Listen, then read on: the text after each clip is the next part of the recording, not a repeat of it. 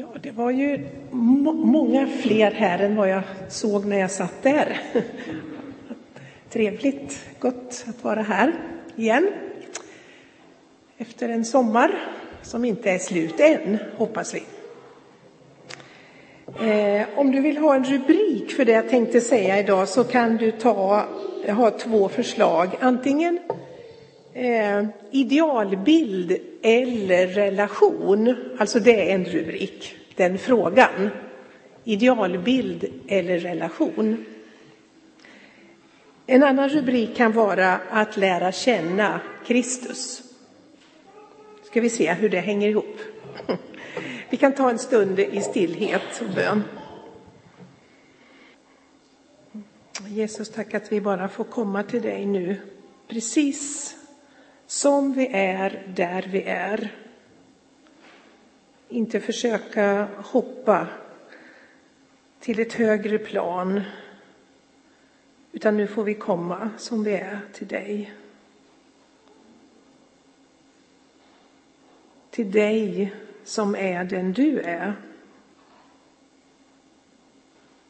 Att det kan få bli ett möte i sanning mellan dig och oss. Kom helige Ande och gör de här tankarna levande och låt ditt eget ord få lyskraft in i våra hjärtan. Kom helige Ande. Vi tar en liten stund och bara ber var och en om den helige Ande fortsättningsvis. Att Jesus ska vara i centrum, det är en sånt där, någonting som lätt kan bli en fras. Det är väldigt mycket som kan bli fina fraser. Och vi kan säga det där utan att kanske alltid reflektera över vad det innebär. Så jag tänkte att vi idag skulle rådfråga aposteln Paulus. Han var ju en man som verkligen levde med Jesus i centrum. Hans liv var präglat av Jesus och inriktat på honom. Och så hade det inte alltid varit. Utan Saulus från Tarsus, alltså mannen med det grekiska namnet Paulus, han var en aktad samhällsmedborgare och han var en framgångsrik teolog. Han var en man som kunde skryta med sina religiösa och moraliska meriter. Hans stora iver för att försvara sanningen fick honom att gå med i det främsta ledet i kampen mot de nya villolärarna. Alltså de som menade att en viss Jesus från Nasaret skulle vara Messias. Men så en gång, som ett led i den kampen, så var han på väg. Han reste till Damaskus och det var då det hände, det där som helt och hållet ändrade kursen för Saulus.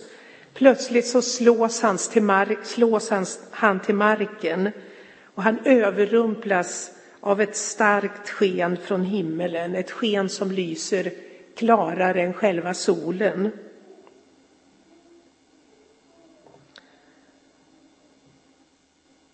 Och det visar sig att det är Jesus som har stämt möte med förföljaren för att ge honom en helt ny livsinriktning och ett helt annat uppdrag. Med sitt eget liv som insats så skulle han förkunna Kristus. Han skulle bli hedningarnas apostel, han den rätt trogne farisén. Och den första församling som han kom att grunda i Europa var den i Filippi. Och när han skriver sitt brev till dem så tar han sig själv som ett exempel när han undervisar om rättfärdighet genom tro på Jesus. Och i början av Filipperbrevet 3 så varnar han för dem som förkunnar att det inte räcker med den tron på Jesus Kristus utan att tron måste kompletteras med laggärningar. Och det betyder till exempel att även de icke-judiska filipperna måste omskäras.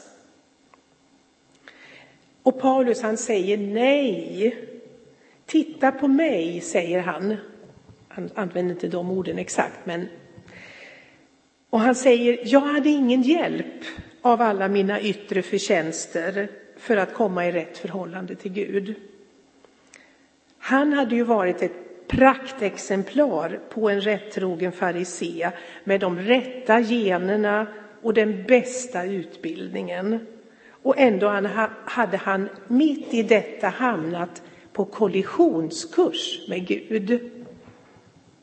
Och han skriver så här i Filipperbrevet 3, jag börjar i mitten av den fjärde versen. Eh, och det här, han har nyss berättat om, om alla sina företräden och allt det som han hade skrutit med. Nej, han ska berätta om det. Men han har gjort den här varningen för de här eh, som kommer med det här påståendet att det inte räcker med tron på Jesus. Eh, och så säger han då i den eh, fjärde versen. Om någon tror att han kan förlita sig på något yttre så kan jag det ännu mer. Jag som blev omskuren på åttonde dagen, som är av Israels folk och Benjamins stam, en hebrea, född av hebreer, i laglydnaden farisé, i trosiver en kyrkans förföljare, i rättfärdighet efter lagen en oförvitlig man.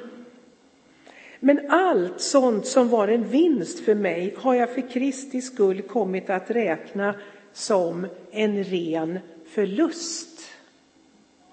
Minuskontot. Ja, jag räknar faktiskt allt som en förlust jämfört med det som är långt mera värt, kunskapen om min Herre Jesus Kristus.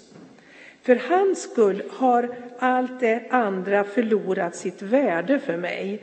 Jag kastar det på sophögen för att vinna Kristus. Vilka ord! För att vinna Kristus och få leva i honom, inte med den rättfärdighet som lagen ger, utan med den som kommer av tro på Kristus. Den rättfärdighet som Gud ger åt dem som tror.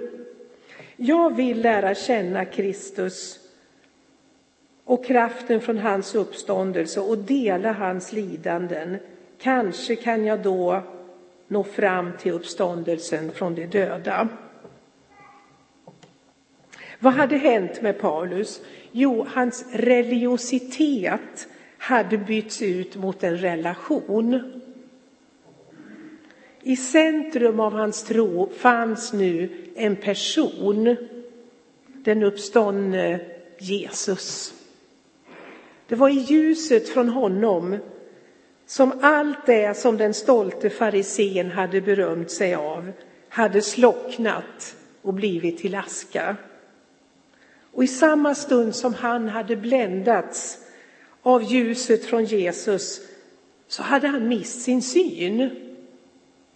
Och tre senare fick han synen tillbaka och då såg han hela tillvaron i ett nytt ljus. Men han blev först blind och sen fick han en ny syn. Och då såg han i det här nya ljuset hur han mitt i sin präktiga fromhet hade missat den enda rättfärdighet som håller inför Gud. Den som till hans stora förvåning fanns förkroppsligad i Jesus. Den hade han missat, den hade han motarbetat. Han såg nu att rättfärdigheten från Gud inte var ett ideal som människan skulle förverkliga. Utan rättfärdigheten från Gud, det var inte ett det, utan det var ett du. Det var en person att umgås med och bli lik. En person som gett sig själv i döden för att rädda syndare, både de ofromma och de fromma syndarna.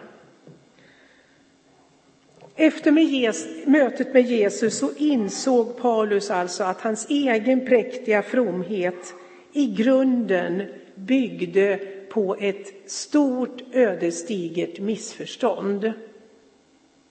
och att han i själva verket inte hade lärt känna Gud. Han var så from, men han kände inte Gud.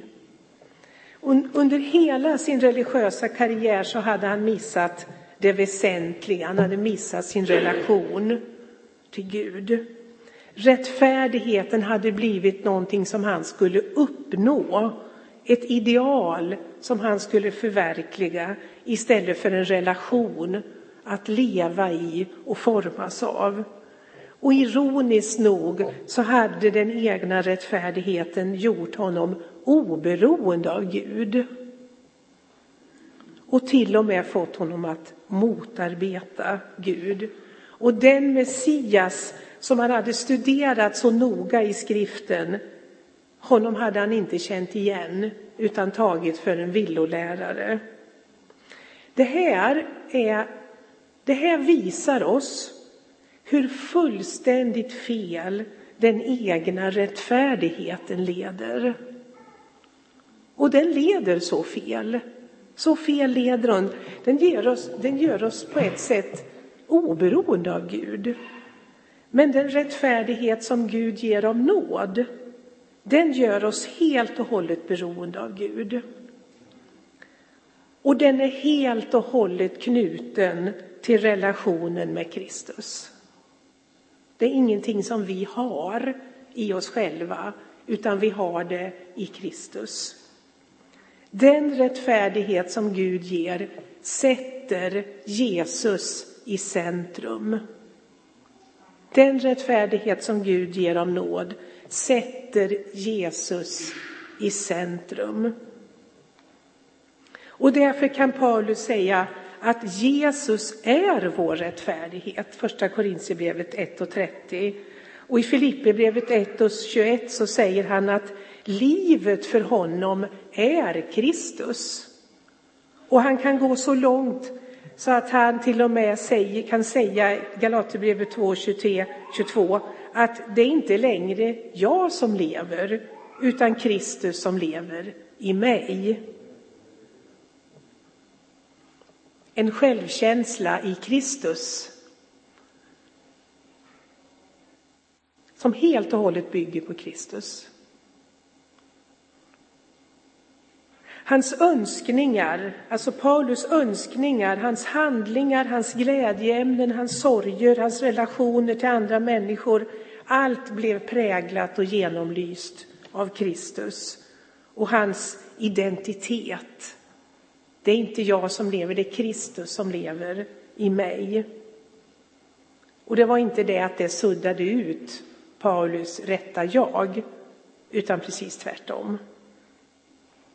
Och som vi sett i Filipperbrevet 3 så blev också hans sätt att värdera omvänt. Det som förut var hans stolthet förvandlades till sopor, alltså något som han inte längre hade användning för. Det var inte så att han kastade bort sin kunskap om, om skriften, absolut inte. Utan det blev istället ett viktigt redskap som Gud använde i den nya uppgiften.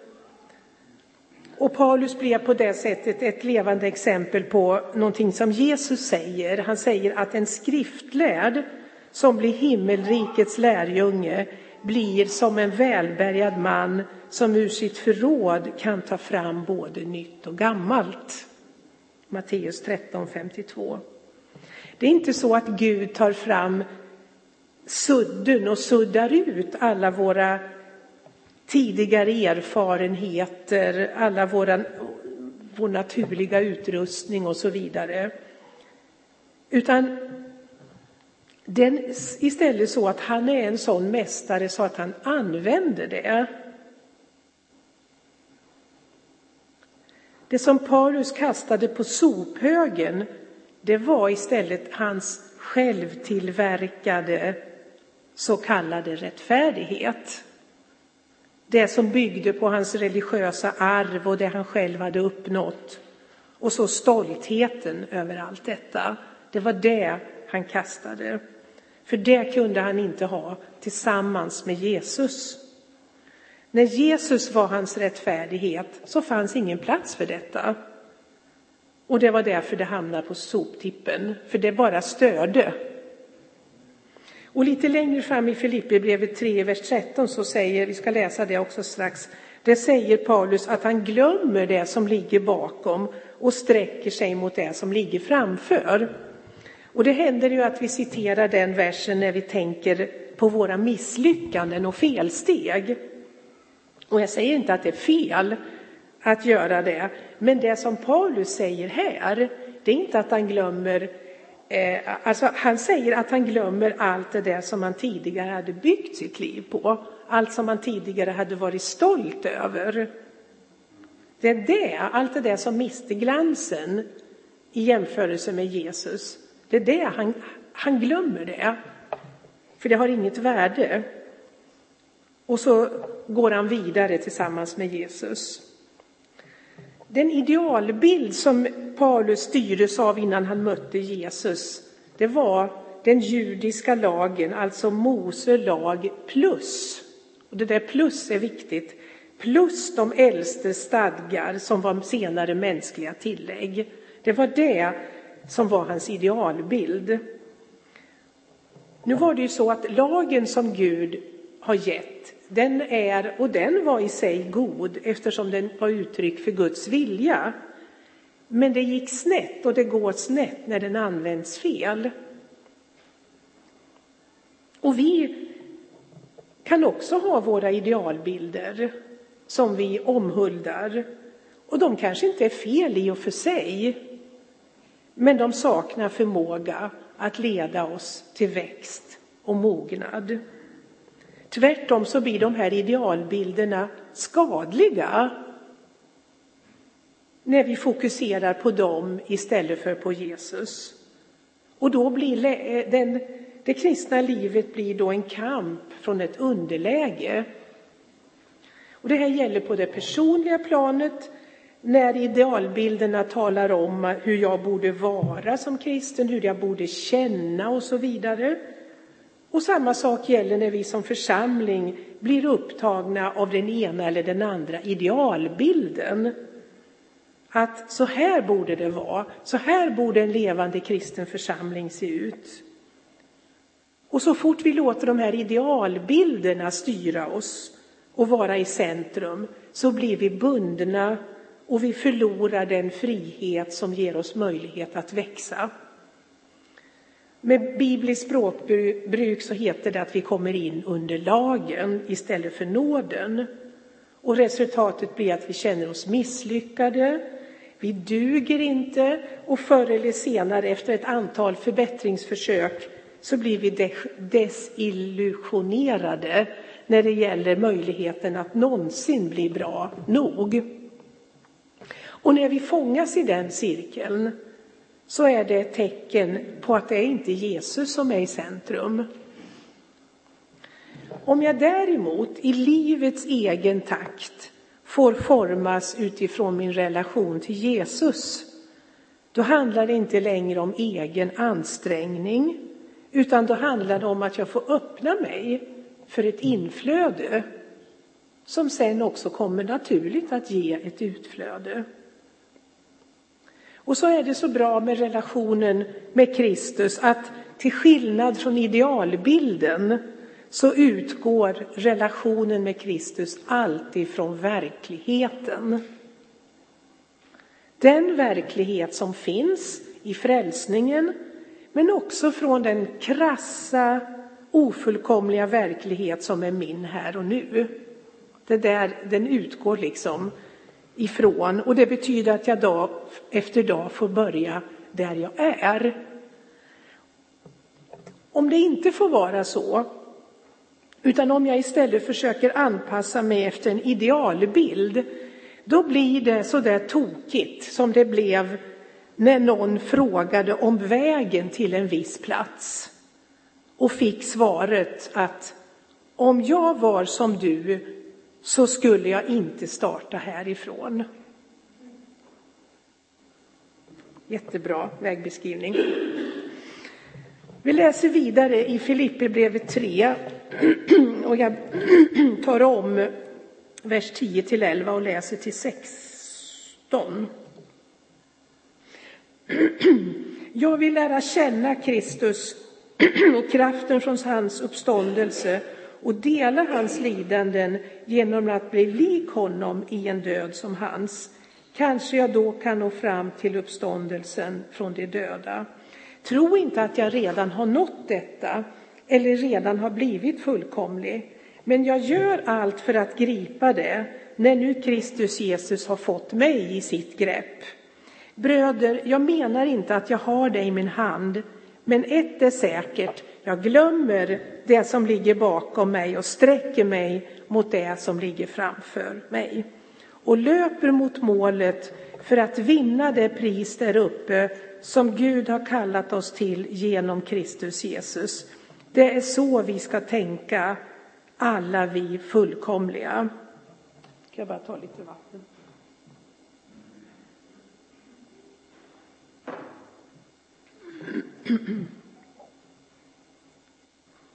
Tro inte att jag redan har blivit fullkomlig, säger han. Och sen säger han, så ska vi tänka alla vi fullkomliga.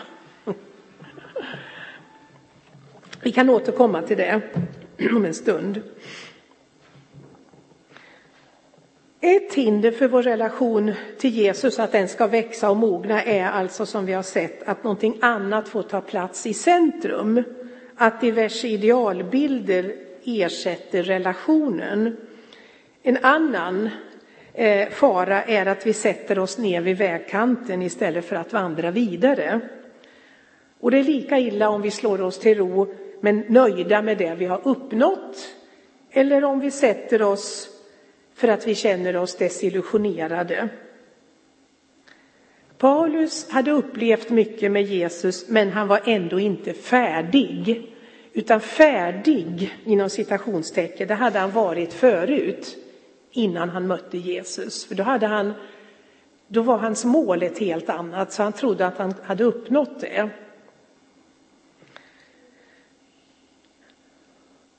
Men efter mötet med Jesus så hade de där begreppen, rättfärdighet och fullkomlighet och så vidare, fått helt nytt och djupare innehåll.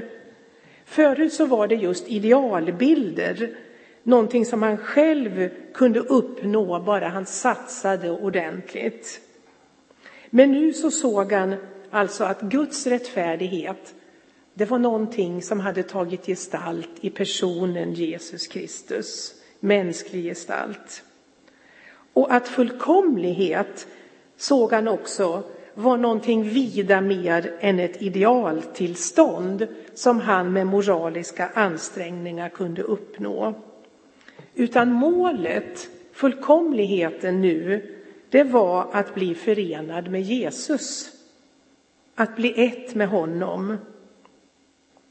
Det allting gick ut på var en relation med honom, den ende som är fullkomlig. Och trots Paulus starka ord om att livet för honom är Kristus så visste han att han inte skulle nå målet förrän han fick se Jesus ansikte mot ansikte.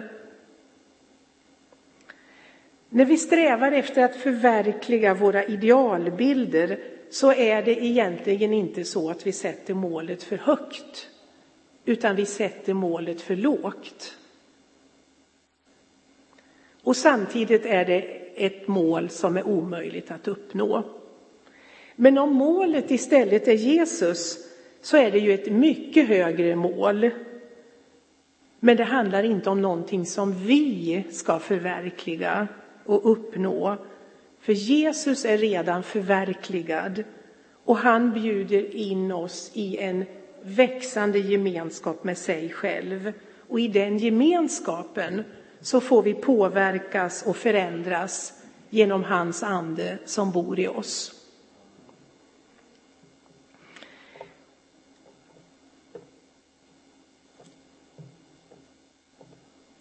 Ett tredje hinder för relationen till Jesus är vår ovilja att betala det pris som relationen innebär och att vi inte är beredda på kamp.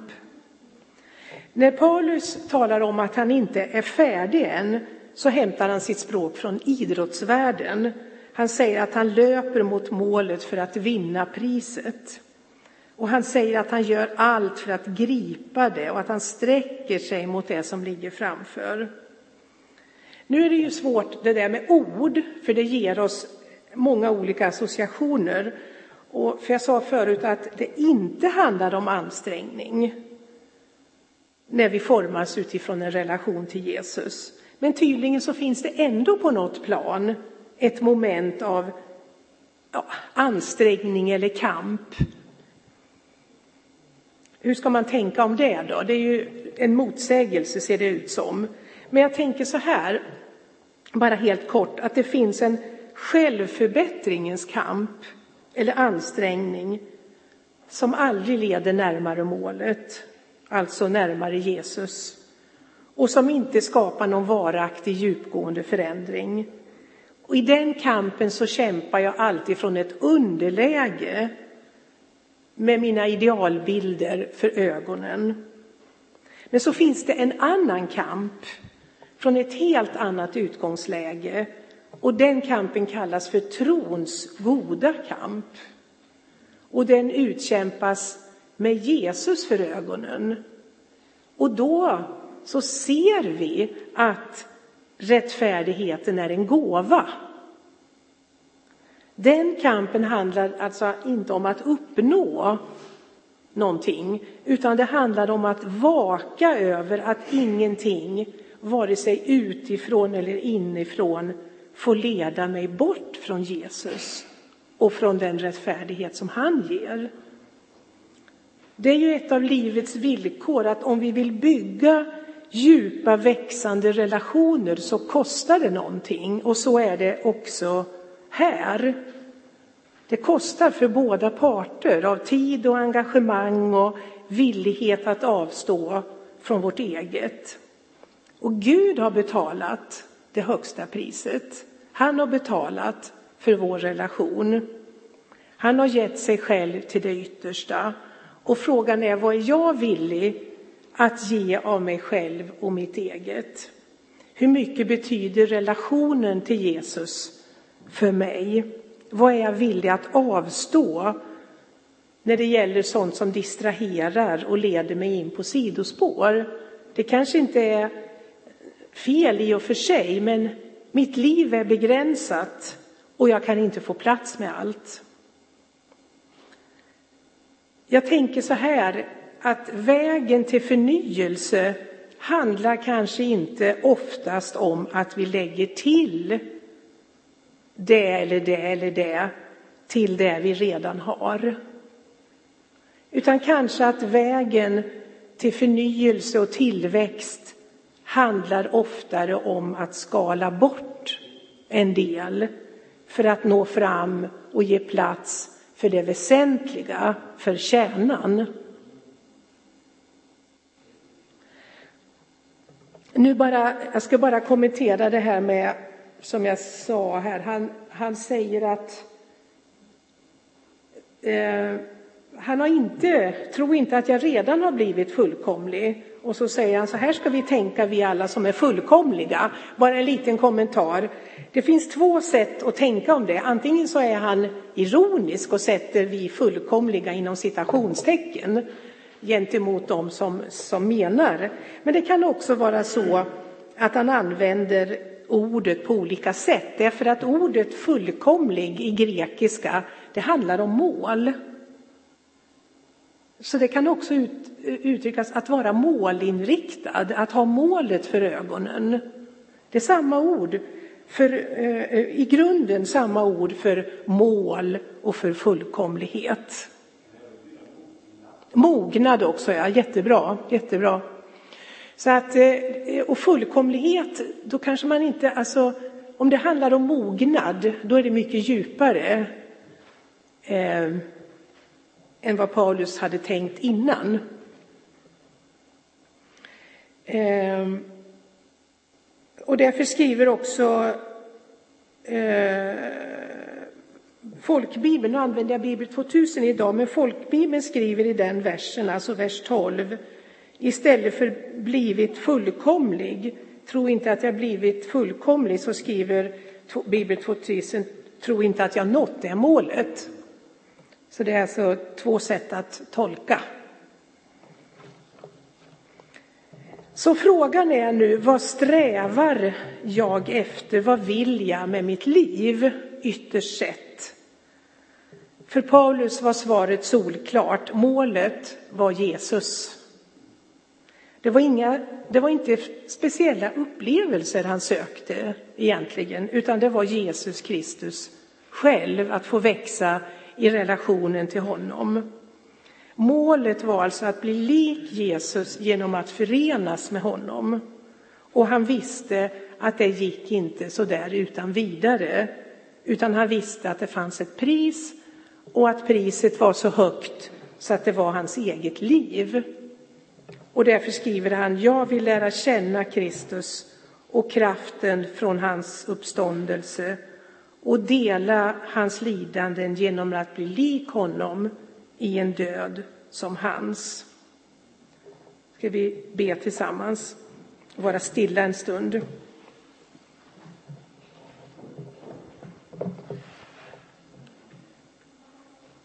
Om det är någon som vill leda i en kort, ja, eller i en bön så går det bra, annars är vi bara stilla en stund.